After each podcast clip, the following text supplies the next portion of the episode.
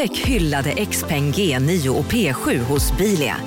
Våra produktspecialister hjälper dig att hitta rätt modell för just dig. Boka din provkörning på bilia.se xpeng redan idag. Välkommen till Bilia, din specialist på XPeng. CSRD, ännu en förkortning som väcker känslor hos företagare. Men lugn, våra rådgivare här på PWC har koll på det som din verksamhet berörs av. Från hållbarhetslösningar och nya regelverk till affärsutveckling och ansvarsfulla AI-strategier. Välkommen till PWC. Hej, Synoptik här. Visste du att solens UV-strålar kan vara skadliga och åldra dina ögon i förtid? Kom in till oss så hjälper vi dig att hitta rätt solglasögon som skyddar dina ögon. Välkommen till Synoptik.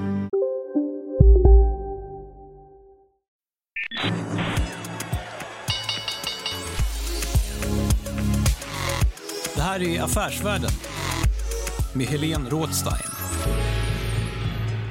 Hej och hjärtligt välkommen till podden Affärsvärlden där vi varje torsdag fördjupar oss i affärsvärldens journalistik. Jag heter Helene Rådstein och jag sitter här med Erik Wallin som är chefredaktör på Affärsvärlden. Välkommen hit. Tack så mycket. Du, eh, du har eh, redaktörat, varit redaktör för en eh, bok nästan om Stockholmsbörsen som kommer ut som digitalt nummer här nu. Ja.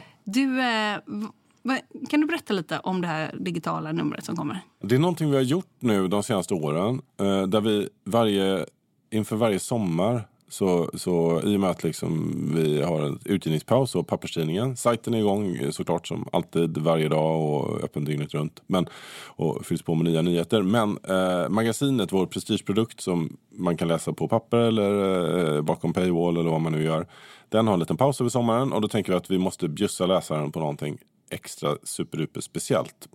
Så att eh, i år så har vi ett monsterreportage som är skrivet av Rona Fagerfjell som är kanske känd för de flesta som att han har skrivit eh, boken eh, om Peter Wallenberg. Och Pete- gjort eh, dokumentären. Dokumentären om Wallenberg för tv, SVT var det va? I tre Eh, delar, I tre ja. delar och eh, oerhört skicklig jour- näringslivsjournalist eh, som, och författare men som också är, råkar ha varit min, en av företrädarna. Han var väldigt framgångsrik chefredaktör för Affärsvärlden för ett tag sedan, ganska länge sedan. Ja, för, för ett tag sedan. Ja. Men, och han har gjort, eh, skrivit ett reportage som är enormt i 13 delar om Stockholmsbörsens historia. Men inte med fokus på Stockholmsbörsen utan fokus på bolagen och Sverige och svenskt näringsliv och sånt. Som började som 1909 och så 110 år framåt. Och han har använt affärsvärldens, vi digitaliserar affärsvärldens eh, fysiska arkiv. Vi har liksom, eh, på redaktionen så har vi en vägg av inbundna böcker med årgångar från 1901 som vi har skickat till Rumänien och där de skannats in så att de blir så sökbara pdf-er. Eh, och det finns massa rättighetsfrågor och sånt som jag ska gå in på nu som gör att vi kan inte bara öppna upp det för allmänheten men däremot så kan vi använda det som ett, eh, ett, ett, eh, som ett researcharkiv. Och det har han gjort. Han har bland annat gått tillbaka där och han citerar från affärsvärlden på 20-talet och sådana saker. Så går han hela vägen. Liksom. Han går hela vägen från då, eh, pre eh, första världskriget och den håsen då. Och sen så via liksom Kryger, via stagnationen på 70-talet och så fram till liksom 80-talets hype och sen så fram till idag. Och det är superintressant verkligen. Det är riktig fest alltså. Och, och varför kör vi då digitalt bara och inte bara är ute på papper? Som Ja, men det finns en fördel och det är att eh, när det är så här långa grejer, för den är, den är ju lång som en bok, så är det eh, fördelen med digitalt är att man behöver inte hålla på och fundera på hur långt det är. Du kan göra den hur långt som helst. Eh, utan att eh, liksom pappret tar slut, så jag på att säga. Men alltså att vi har ju vissa format vi måste förhålla oss till med när det gäller de tryckta produkterna. Men här kan vi ju bara köra på tills så långt vi vill. En sak som jag tycker man ska betona lite med hela det här jättereportaget är ju att det handlar ju, som du sa, inte om Stockholmsbörsen utan det är också svensk, liksom svensk näringslivshistoria. Och med internationella utblickar också. Ja. Och, ja. Och där liksom man går in på SKF och eh, liksom SKFs börskung och Mm. liksom... Ja.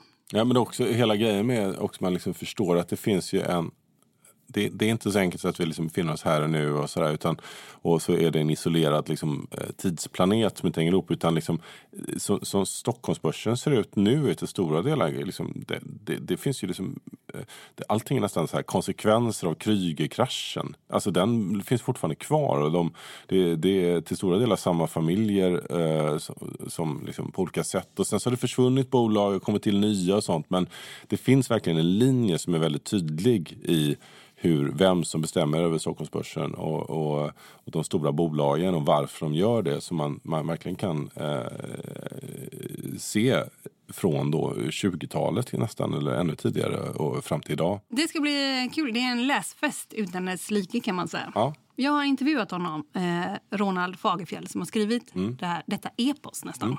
Och eh, intervjun med honom kommer här. Marknaden sponsras av SPP, pensionsbolaget. Eh, förra gången pratade vi lite om ITP. Och som en kort repetition så, så var det ju 70-tal, arbetsmarknadens parter bestämde att alla tjänstemän ska ha en tjänstepension. Man kom överens om vilka villkor som ska gälla i den här pensionen och så kallade man den för ITP. Så jobbar man idag som tjänsteman i ett företag med kollektivavtal, då har man förmodligen den här pensionen, ITP-pensionen.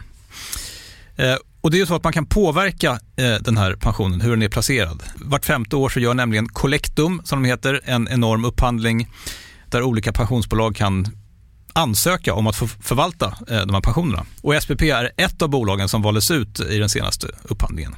Och sen kan du som pensionssparare välja vilket av de här olika pensionsbolagen som, som då ska få ta hand om dina pengar. Och tanken med den här upphandlingen är ju att liksom kvalitetssäkra de här olika alternativen eh, men också att förhandla fram stora rabatter så att pensionsspararna ska få ja, kunna spara pengar genom att avgifterna eh, som är så viktiga eh, blir eh, lägre. Och vill man välja någonting i ITP-systemet då finns det en relativt ny sajt som heter avtalat.se. Ehm, där kan man gå in och se hur sin ITP-pension är placerad. Jag gjorde det häromdagen faktiskt. Ehm, idén är att hälften av pengarna alltid ligger i något som kallas för traditionell försäkring. Det här gjorde vi ett avsnitt om i podden Kapitalet nyligen eh, som vi kallade världens bästa sparform. kan man lyssna på om man är intresserad. Eh, den andra halvan eh, den kan man också lägga i en traditionell försäkring eller så kan man placera det i något som kallas för fondförsäkring. Eh, SPP som sagt eh, var ju ett av de fåtal bolagen som valdes ut i den senaste upphandlingen och de finns med som alternativ både med en traditionell försäkring och med eh, fonder. Så det var en liten bakgrund till ITP-systemet. Vill man läsa mer om det här eller typ kolla hur ITP-pensionen är placerad, eh, kanske göra förändringar, då går man in på avtalat.se men tack säger jag till SPP som vill göra oss människor mer medvetna om hur enormt viktig pensionen är för oss som en framtida lön, men också som en positiv kraft i samhället eh, och förstås för att ni möjliggör eh, den här podden Marknaden. Du lyssnar på Affärsvärlden Magasin med Helene Rådstein. Välkommen hit. Tack. Du är journalist och har skrivit ungefär 30 30-tal böcker nu om näringslivet och du är också tidigare chefredaktör på tidningen Affärsvärlden. Mellan vilka år var du det? Ja, det är två perioder, men jag var egentligen man kan säga ledare för Affärsvärlden-gruppen i 19 år från eh, fram till 92. Vi har ju aldrig jobbat tillsammans då, eh, du och jag. Men jag vet, jag träffade en gång tidigare och då lät det som att då hade man väldigt nära kontakt med hela näringslivet. Du, ja. du som chefredaktör för Affärsvärlden, du var liksom extremt noga vad ni skrev och, och liksom, ja, de var på det och så hela tiden. Eller kan man säga något exempel på... Det var, det var en annan tid. Alltså, det var ju så att eh, närings, vi hade inga regler på börsen om att man inte fick säga ditten eller datten utan mm. eh, ekonomidirektörerna pratade ganska fritt förutsatt att man inte citerade dem. Så kunde man alltid ana eller tycka eller någonting vad de, så man kunde ansluta sig till det. Och, och eh, företagsledarna ringde man ofta direkt. Alltså, särskilt Hans Werthén kunde, hade man ju direktnummer till och han tog telefonen själv för han tyckte det var jobbigt att gå via sekreteraren. Och det var, man skulle aldrig bli förvånad över att någon företagsledare ringde hem och ville säga någonting. Hände det dig? Ja, en ganska rolig grej var min äldsta son Hayat och han var väl bara sju år när han tog telefonen en dag. Det var Ja, det var nog Hans Werthén förresten. Då sa han Hans Werthén, du är känd va? och sen hade han och, Och, han, hans livsverk det är Electrolux. Electrolux, ja. Ja, ja. Och då hade, när jag kom sen till mötet med Hans Werthén så stod tre stycken och skrattade där. Och då sa de, du skulle veta att vi stod med, med högtalartelefonen på och pratade med din son en halvtimme.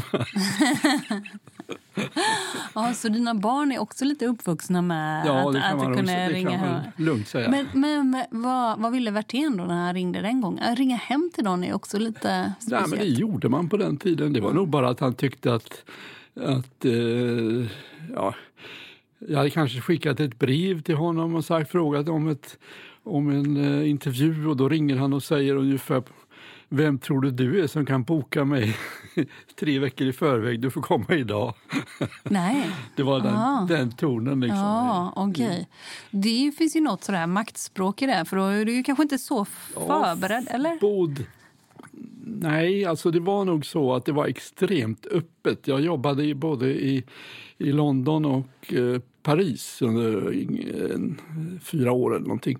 Och det var en helt annan stil än vad det var i Sverige. Jag tror en av orsakerna till att det går bra för Sverige är den här otroligt öppna eh, informationsöppna attityden. Att jag talar om allting och så får det hända vad det vill. Det är ingen, som bråkar om det. Ibland gör man fel, ibland säger man fel. Det var den typen av attityd. Så det var en, så det var, vi var nog rätt privilegierade. Vi kunde liksom gräva och prata med dem och vi bråkade väldigt mycket med, med dem. Mm. Kommer du ihåg någon storbråk sådär? Gösta Bystedt och jag bråkade på en panel en gång när han var förbannad för att vi hade eh, fel vinstsiffror. Och då sa jag att när det gäller hur vinstsiffrorna skulle se ut på Electrolux så tror jag att jag har mycket större trovärdighet än vad du har inför den här församlingen. Och då satt en massa eh, direktörer fram i publiken och de gjorde stående ovation. Alltså, ja. och, och han, det, Bystedt var rätt förbannad då.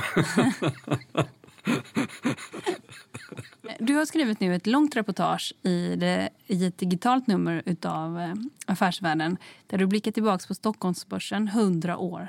Du börjar 1909 till 1919. Ja. Eh, och jag tänkte på det att du har ju varit ganska intresserad av svenskt näringsliv också. Eh, Ja. Mycket och kanske vet jag inte, men är du mest känd för dina tre dokumentärer om familjen Wallenberg som har gått på SVT?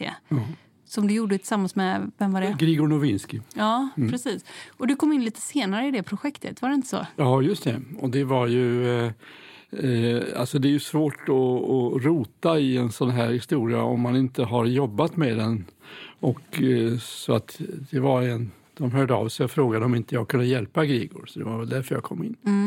Ehm, och, eh, och sen så har du också skrivit eh, en bok om, säger man Peter Wallenberg? Eller säger man Pirre? Jag tror de närmaste sa Pirre. Jag sa aldrig Pirre, men det är klart jag pratar om honom som Pirre och det gör ju alla.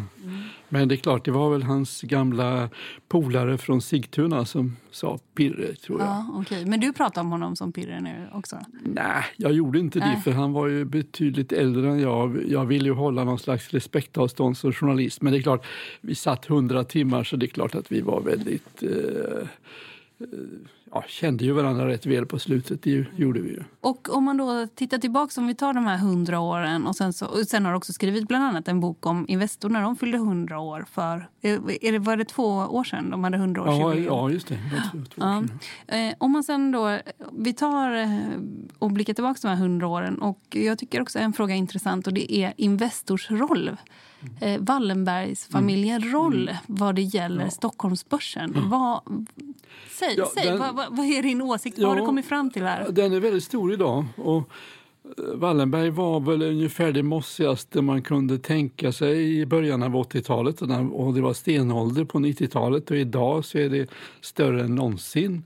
På 20-talet var det inte särskilt mycket. Alltså Eh, 23 så räknade man väl ner Investor. Det var ju det enda emissionsbolaget som överlevde överhuvudtaget. Det var Kryger som man trodde möjligen skulle överleva då, men det blev Investor.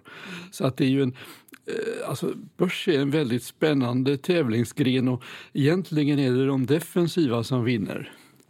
Och jag tycker i och för sig att, att eh, Wallenbergarna har varit defensiva i ganska många skeden men de tog ganska stora risker på 90-talet och gick hem med, med, med den här kronnedvärderingen som var hösten 92. Mm. Så att lite tur ska väl en eh, spelare ha också. Mm, ja, just det. För en sak som också eh, är påtagligt är ju också Krügerkraschens liksom effekter ja, på ja. såklart. Och den var ju där har ju naturligtvis Wallenbergarna tillskrivits alldeles för stor roll. Alltså alla är skiträdda när en stor internationell spelare går omkull. Alltså det, det är väl det sista man vill. Det, det är inte så att man, att man spelar för att den där killen ska falla. Ha, ha, ha. En, faller en bank som Lehman Brothers så faller alla. Mm. Så att jag tror det var skräck eh, våren 1932. Mm. Det var liksom inte så att Wallenbergarna kände sig särskilt kaxiga då. Utan det var ju, man tillsatte ju en kommission med representanter för alla bankerna och frågan var väl vilka banker som skulle överhuvudtaget överleva. Och som genom ett under så klarade sig allihop och alla mm. bolagen också så småningom. Men det tog ju lång tid. Och det är klart att Kryger hade en bukett med väldigt bra företag men han hade gjort slut på sin cash. Mm. Så han hade ju liksom ingenting att spela med längre. Och det är ju, så är ju spelet. Har man ingen likviditet så spelar det ingen roll vad det är man äger. Om du tittar då på börsens utveckling, hur det har gått. Du tar också upp eh, det här med civilingenjörs kunskapen som liksom föder en, en helt, helt nya typer av mm. bolag. Mm. Och eh, också, eh, ja men om, om, du, om vi börjar liksom ganska långt tillbaka, vad, vad är det vi har för typ av börs då, för hundra år sedan?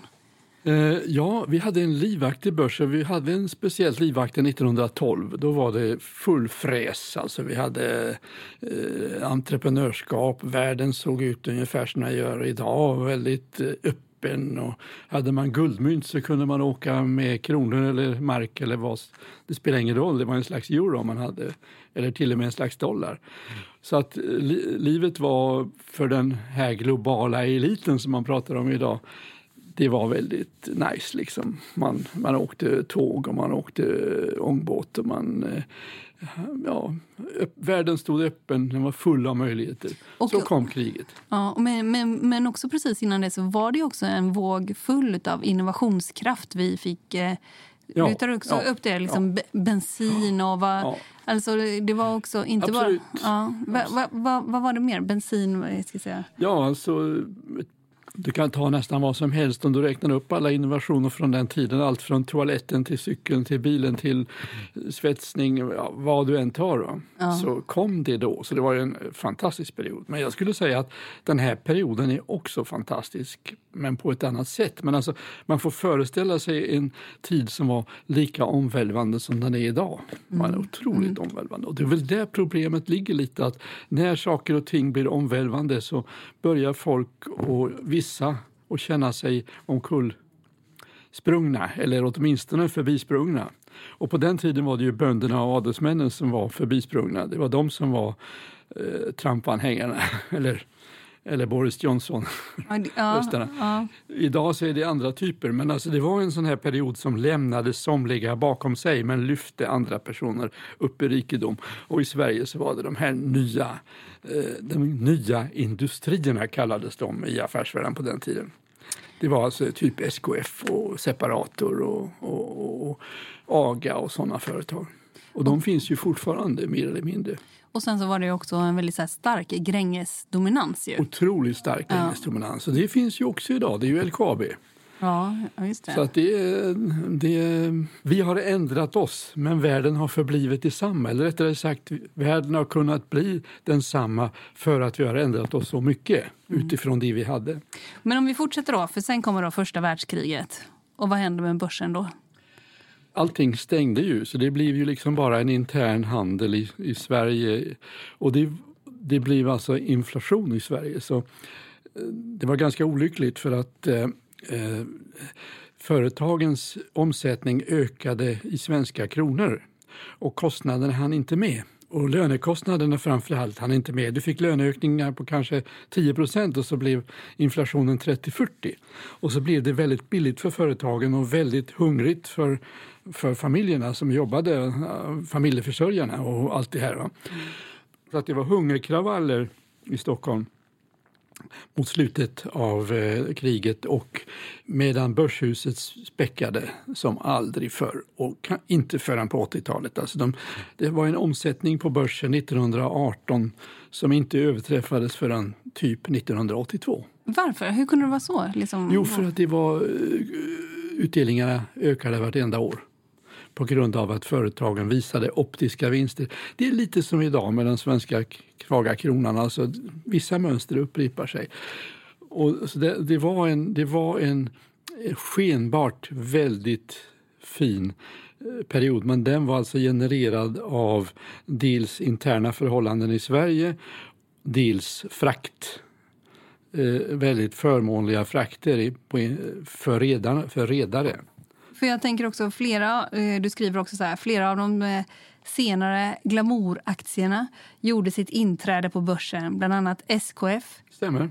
Tryckrusten SLT och bilföretaget Scania Vabis. Ja. Ehm, och, och Scania Vabis var ju en stor, uh, stor jäkla problem bara. Det, var alltså egentligen, de gjorde personbilar och de gjorde lite olika saker, gick aldrig med vinst. De skulle inte gå med vinst förrän efter andra världskriget. Men de introducerades då. Så det var mycket av det som introducerades under världskriget, första världskriget som blev väldigt dåligt. Atlas Diesel dessutom. Mm. Men under den här perioden så var det också det, liksom, det trängdes 46 banker och fondmäklare i Börshuset. Ja.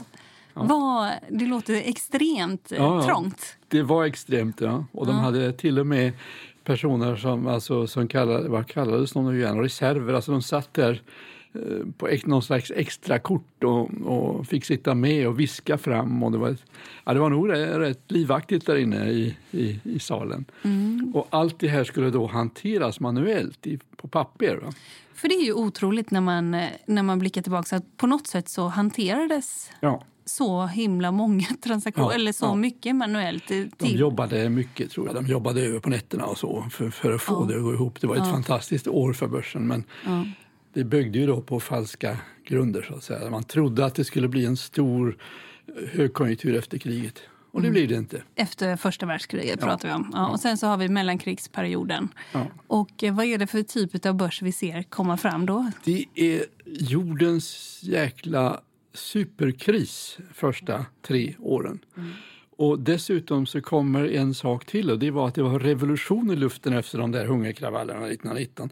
Så att Liberalerna, och Socialdemokraterna och konservativa kom överens om att man skulle införa allmän rösträtt. Så det var ju väldigt bra för lång sikt att man gjorde detta. Mm. Men i samma veva så klämde man till med åtta timmars arbetsdag, vilket ju ökade kostnaderna ganska kraftigt för företagen. Och dessutom... Att, från, från vadå? Eh, ja, 10-12 ja, timmar. Ja. Och dessutom så kom då, så kom då eh, fattigvårdslagstiftning som sa att arbetare som lockoutades ut från företagen fick fattigvård från kommunerna. Det var obligatoriskt. Så det gjorde ju att man både Folkhemmet började ta form också. Ja, ja. gjorde det. Men, det. men det hände då i ett läge då svenska mm, löner fram, plötsligt framstod som två till tre gånger så höga som omvärldens efter kriget. Och dessutom så spädde man på detta med åtta timmars arbetsdag, med kortare arbetstid alltså, och omöjligt att använda, att, att vinna en strejk. Mm. Och det är klart att, att, att arbetarrörelsen, LO, hade ju ingen anledning att vika ner sig när man försökte sänka lönerna från den där jättehöga nivån. Svenska arbetare hade kommit in i medelklassen via eh, via första världskriget och företagen hade kommit in i dödsfällan. Och sen så var hela den här första delen av 20-talet var alltså en kamp på liv och död där företag var tvungna att sanera eller dö samtidigt och sparka folk så mycket de kunde överhuvudtaget medan det var massor av strejker. Och vi hade också en väldigt... Eh, det här är väl också under den perioden då urbaniseringen verkligen tar fart Ja, det börjar Sverige. så smått. Ja. Ja, ja. Sen kommer det att, bättra sig så småningom, men fortfarande i mitten av 20-talet så var den stora invandrarvågen till USA. Är det, Så- är, det, är det en fjärdedel ungefär av svenskarna som... Ja, tidigare var det ju, var det ju alltså under 1800-talet så var det ju som högst någon gång på 1880-talet eller något sånt. Eller. Och sen så var det ganska lugnt un- före vär- världskriget så kom en ny sån här våg under några år, under tre år runt 1925. Sen blev det inget mer utvandringsår från Sverige. Nej. Det var Nej, den va- sista smällen. Liksom. Och var kulmen... Var, Kulmen kulmen var redan på 1800-talet. var det 1868 så här? Ja, eh, någonting sånt. Nödens Ja. ett torkår eller någonting. Och det ja. var väldigt mycket på den på 1800-talet var det väldigt mycket fackföreningsfolk som flyttade till USA. Alltså, det var ju sådana som hade blivit sparkade för de försökte bilda fackföreningar och då åkte de till USA. Så Joe Hill, alltså, ja, allt, hela det här att, eh, att svenskar var med och organiserade fackföreningar på andra sidan, det var inte så konstigt utan de kom ifrån Sverige och från andra industrialiserade länder och hade blivit sparkade, sökte sig över. Men hela den där, hela den där fattigdelen av Sverige tog slut för att arbetarlöner steg ju upp till medelklassen under 20-talet. Så för första gången började svenskar, i alla fall en del av dem, att handla i varuhus och gå i olika affärer, köpa kostymer och sådana saker. Va? Så att när då så småningom på 30-talet när svenska företag började anställa mer folk och expandera så var Sverige med i racet. Då började vi bli som, ja, ungefär som Vietnam idag eller någonting sånt. Vi var lite, vi eh, var i hack i häl på, på de riktiga industriländerna. Du skriver också liksom att under 30-talet att klimatet eh, också fick en ganska stor liksom, inverkan och påverkan på grund av torkan som Ja. kom här. Och det, det, det glömmer man bort. Man pratar i det oändliga om den här finanskrisen som hände 1928. Men den var inte huvudskälet. Jag skulle säga att från 1929 så var, den, så var det lite ny optimism på den amerikanska börsen. Så hade inte den här enorma Dust Bowl kommit i USA när, när, när ena familjen efter jordbrukarfamiljen efter den andra åkte över prärien och lämnade sina hem där ute. Det var bara Det var yror av lös Ja, jord och sådär. lös jord Ja. överallt. Va? Eh, Det är ju Steinbecks bok Gra- Grapes of Wrath som, Mm. som skildrar det där. Va? Det, det är ju, och detta körde ner amerikanska konjunkt- konjunkturen i recession. Mm. Så att de införde eh, protektionism och via den protektionismen så drabbades Tyskland väldigt hårt. Och för första gången så kommer det en galning som heter Hitler och, och fick då en tredjedel av rösterna mot att ha fått 2,6 förut. Också in, liksom in mellankrigstiden. Annars, alltså efter första världskriget så gick ju USA väl eh, liksom också in i en högkonjunktur. Ja, Alltså precis ja. eh, Det var- eh, efter. Det var den första moderna postindustriella perioden. Det var Ja. då man började ana att bilreparatörer och och, Eftermarknaden, som det heter allt idag. det här skulle komma. Ja, ja. USA tappade massor av industrijobb och istället så fick man då eh, ja, typ bilreparatörer, men servicemän och Mm. av, säljare på avbetalning och en stor kår av, av, av lägre tjänstemän. Ja, men, ja, men också folk här liksom innan. Alltså, för, för nu är vi tillbaka några år innan Ja, det vi är, nu är vi på 26. Ja, 26 ja. Happy days are Ja. here again. ja exakt. hur, hur, hur går den mera? Hur, hur börjar den? den? Eh, jag kan den faktiskt inte när jag tänker efter. Men, men jag kan ju nästa sång som kom sen under krisen. Brother can you spare me a dime? Once I built a railroad. Ja, alltså det är de här killarna som, som plötsligt är arbetslösa och inte har en spänn.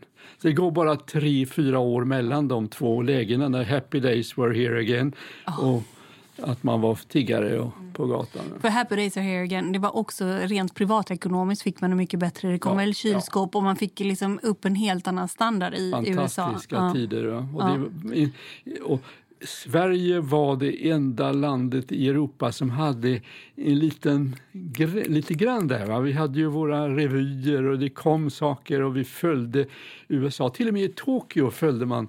Där hade man Mobo, Mo- Modern Boy. Och Mogar, mo, mo, alltså Modern Girl. De, hade, de klippte sig. Och, så Vad är detta? Är det Dandy motsvarande? Eller är det här senare? Ja, det, nej, det är de här... Ja, jag kommer, alltså det fanns ju... När man ser de här gamla filmerna från 20-talet så, så var ju... Så, det var ju otroligt starkt.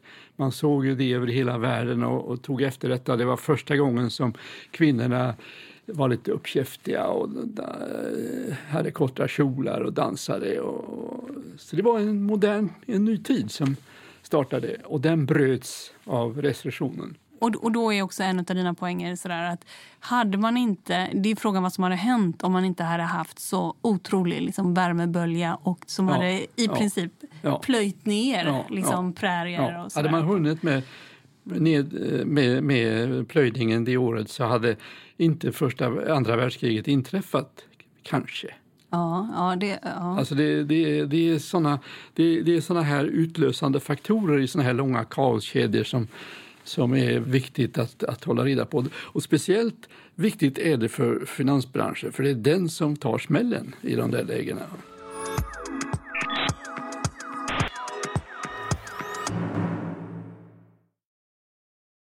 Eh, marknaden sponsras av Karla. Eh, vi pratar ju en hel del om bilar här- på kontoret. Eh, karla har ju skapat, skulle jag säga, det som är standarden för hur man idag köper och säljer bilar på nätet.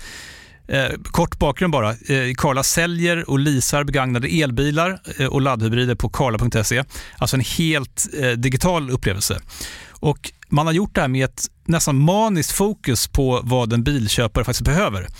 Jag gjorde ju en intervju med en av grundarna, Patrik Illerstig, i marknaden här eh, ganska nyligen, eh, daterad 25 mars, om man vill lyssna på den.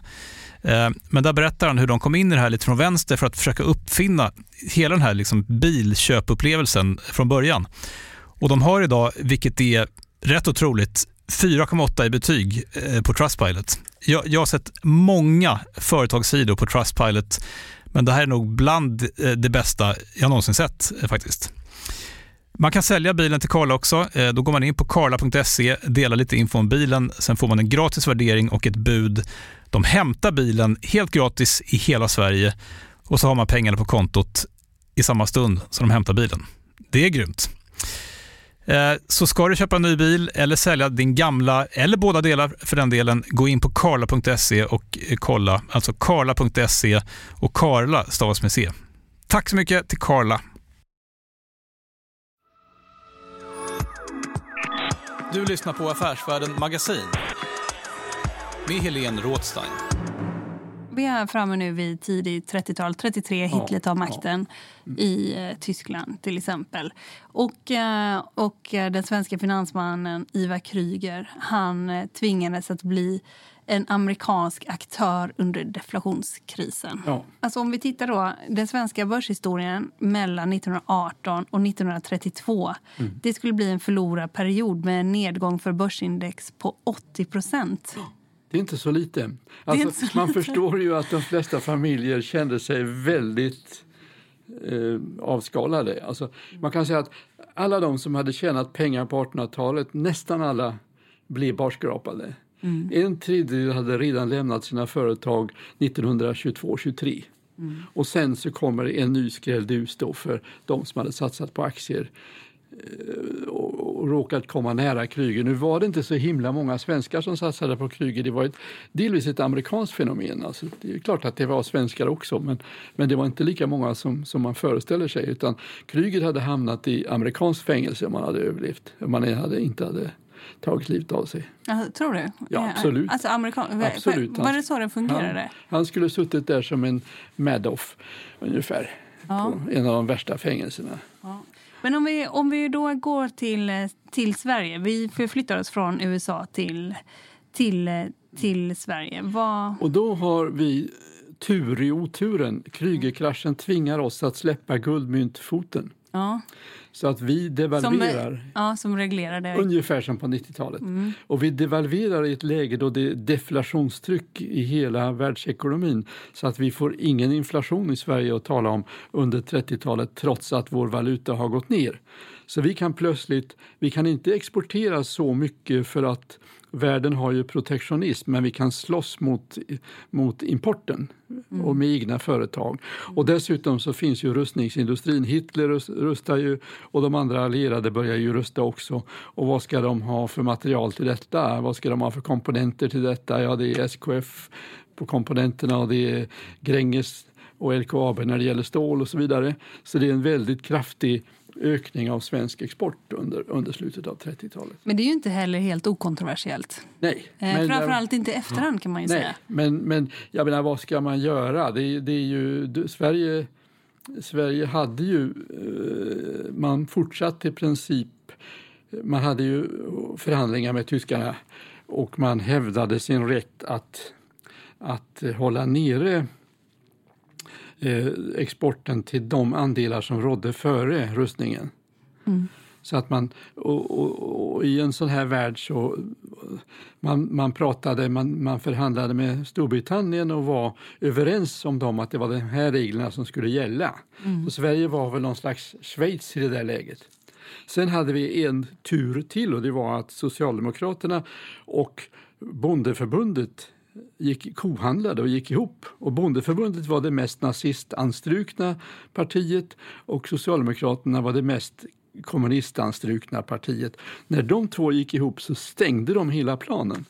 Så att vi fick inga nazister och, eller särskilt mycket kommunister i riksdagen. Vi fick inga, inga mottagningskommittéer för något av de här två länderna som hotade oss. Utan, så jag tror en av orsakerna till att vi gick fria under kriget det var att vi inte hade eh, personer som, var, som stod och väntade och, och ville hjälpa till om, om, om tyskarna kom. va.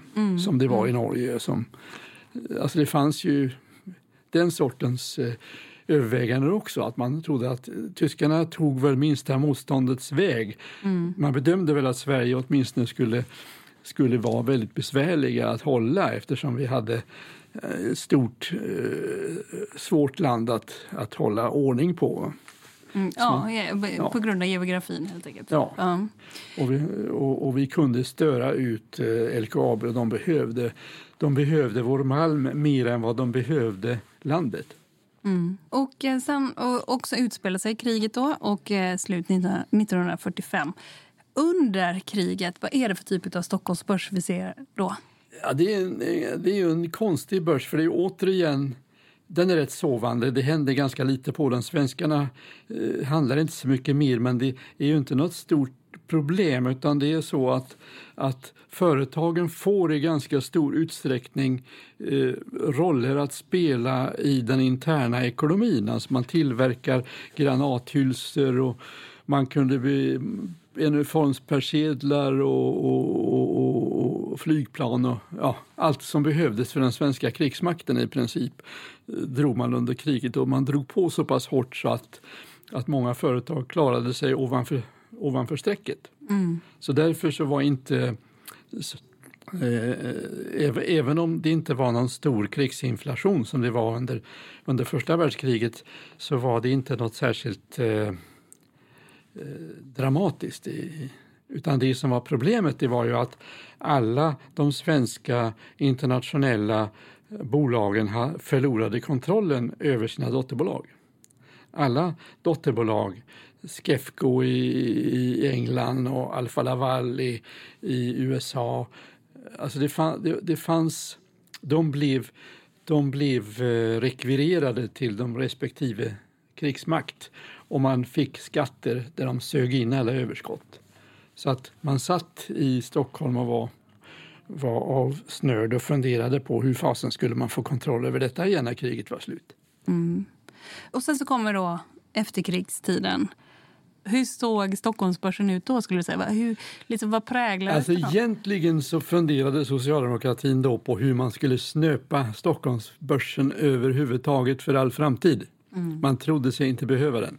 Nej. Så att man... eh, Det, det, För Stockholm, kapitalet var lite ont. Eh, ja, man, man såg... Eh, företagen hade man inget emot. Internationell konkurrens hade man gudskelov inte någonting emot. Och bara inte företagen delade ut till kapitalisterna. Det var liksom grejen. Så att man införde 1947 ett batteri av, av eh, åtgärder då som var riktade mot de rikaste i Sverige. Inte särskilt många, för det var inte så många rika som hade överlevt den här perioden. Så man kom där med sin, med sin, med sin eh, sto, sto, stora paket. Och det, det gjorde ju att eh, när jag gick på Handels i Göteborg långt senare så talade man om att man hade funktionssocialiserat direktörerna. Direktörerna i Sverige blev tjänstemän, delvis i statens tjänst. Och särskilt gällde detta Volvo i Göteborg, för Volvo i Göteborg tjänade mycket pengar, stoppade in de pengarna i fonder så kunde man gå in och fråga och då kunde man lyfta de fonderna som var skattefria. Man hade alltså inte behövt betala några skatter utan de, de pengarna låg där och väntade på olika investeringsprojekt. Så därför så investerade man när man skulle expandera verksamheten i olika orter som behövde sysselsättning. Vad tänker du om ett sånt system idag? Skulle det vara Det skulle möjligt? vara döden idag. Ja. Men då var det fortfarande protektionism. Alltså det, re, eh, andra världskriget blev ju ett reglerings, eh, en regleringsvärld. Alla länder reglerade och man behöll de regleringarna. Så bilar hade då vid den här tiden eh, höga tullar. Så det var nästan inga bilar som såldes över gränserna. Det var lite engelska bilar i Sverige och, och Volvo skulle ju aldrig sålt i Sverige. Vi skulle aldrig kunna startat eh, en egen personbilsfabrik om vi inte hade haft den egna marknaden, ja till och med Norden som vår egen hemmabas. Och sen var det några amerikaner borta i Kalifornien som tyckte svenska bilar var lite socialistiska och lite, lite robusta så där, så de köpte också Volvo. Och det ska ju Volvo-folket vara glada för att det var så. Ja, ja, eh, ja, ja, ja, precis. Men det blev ju aldrig något internationellt företag av Volvo på grund av detta. För att det var ju ett företag som kom fram med hemmamarknad. Volvo personbilar har ju aldrig riktigt blivit ett internationellt stort företag utan, utan det är ju ett eh, medelstort. Ja, tror du att det beror lite Ja, på... det var, blev, fanns aldrig något utrymme. Utan det var, ju före, det var ju när tullarna sen släpptes så var det ju de stora ländernas bilföretag som tog världsmarknaden, personbilsföretag. Medan lastbilar däremot gick, kunde man ta världsmarknaden så småningom. Men om, för om vi tittar här, några av vinnarna då, mellan 49 och eh, 69 i eh, procent realökning så ser man ju också, liksom har ju du gjort en lista här där Atlas Copco ligger klart i topp. Ja. Följt av eh, Volvo, PLM, LM Ericsson och Sandviken. Pripp och Facit. Ja, Ja, det har ju nästan blivit en symbol, Facit, ju, för saker. Ja.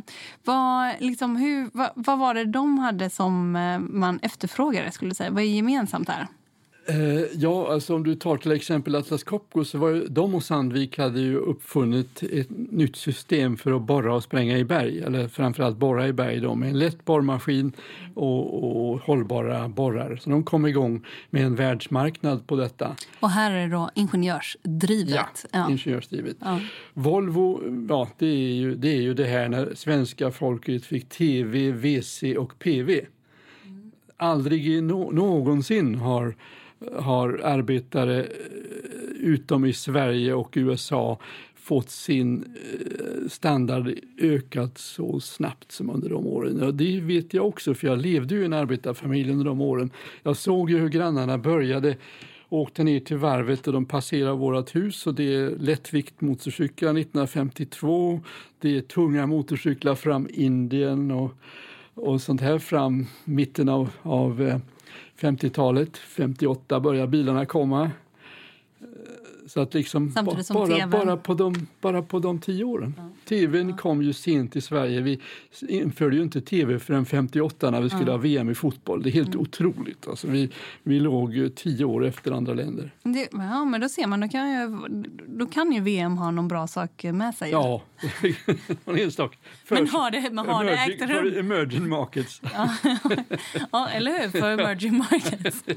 eller? Jo.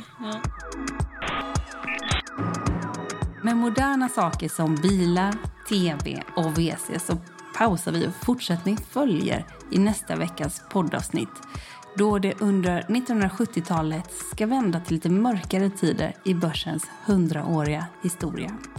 Hela reportaget som Ronald Fagerfjell har skrivit finns att läsa på affärsvärlden.se. Och podden med mig, Helene Rothstein, den är tillbaka om en vecka. Håll ut. Hej då! Mix.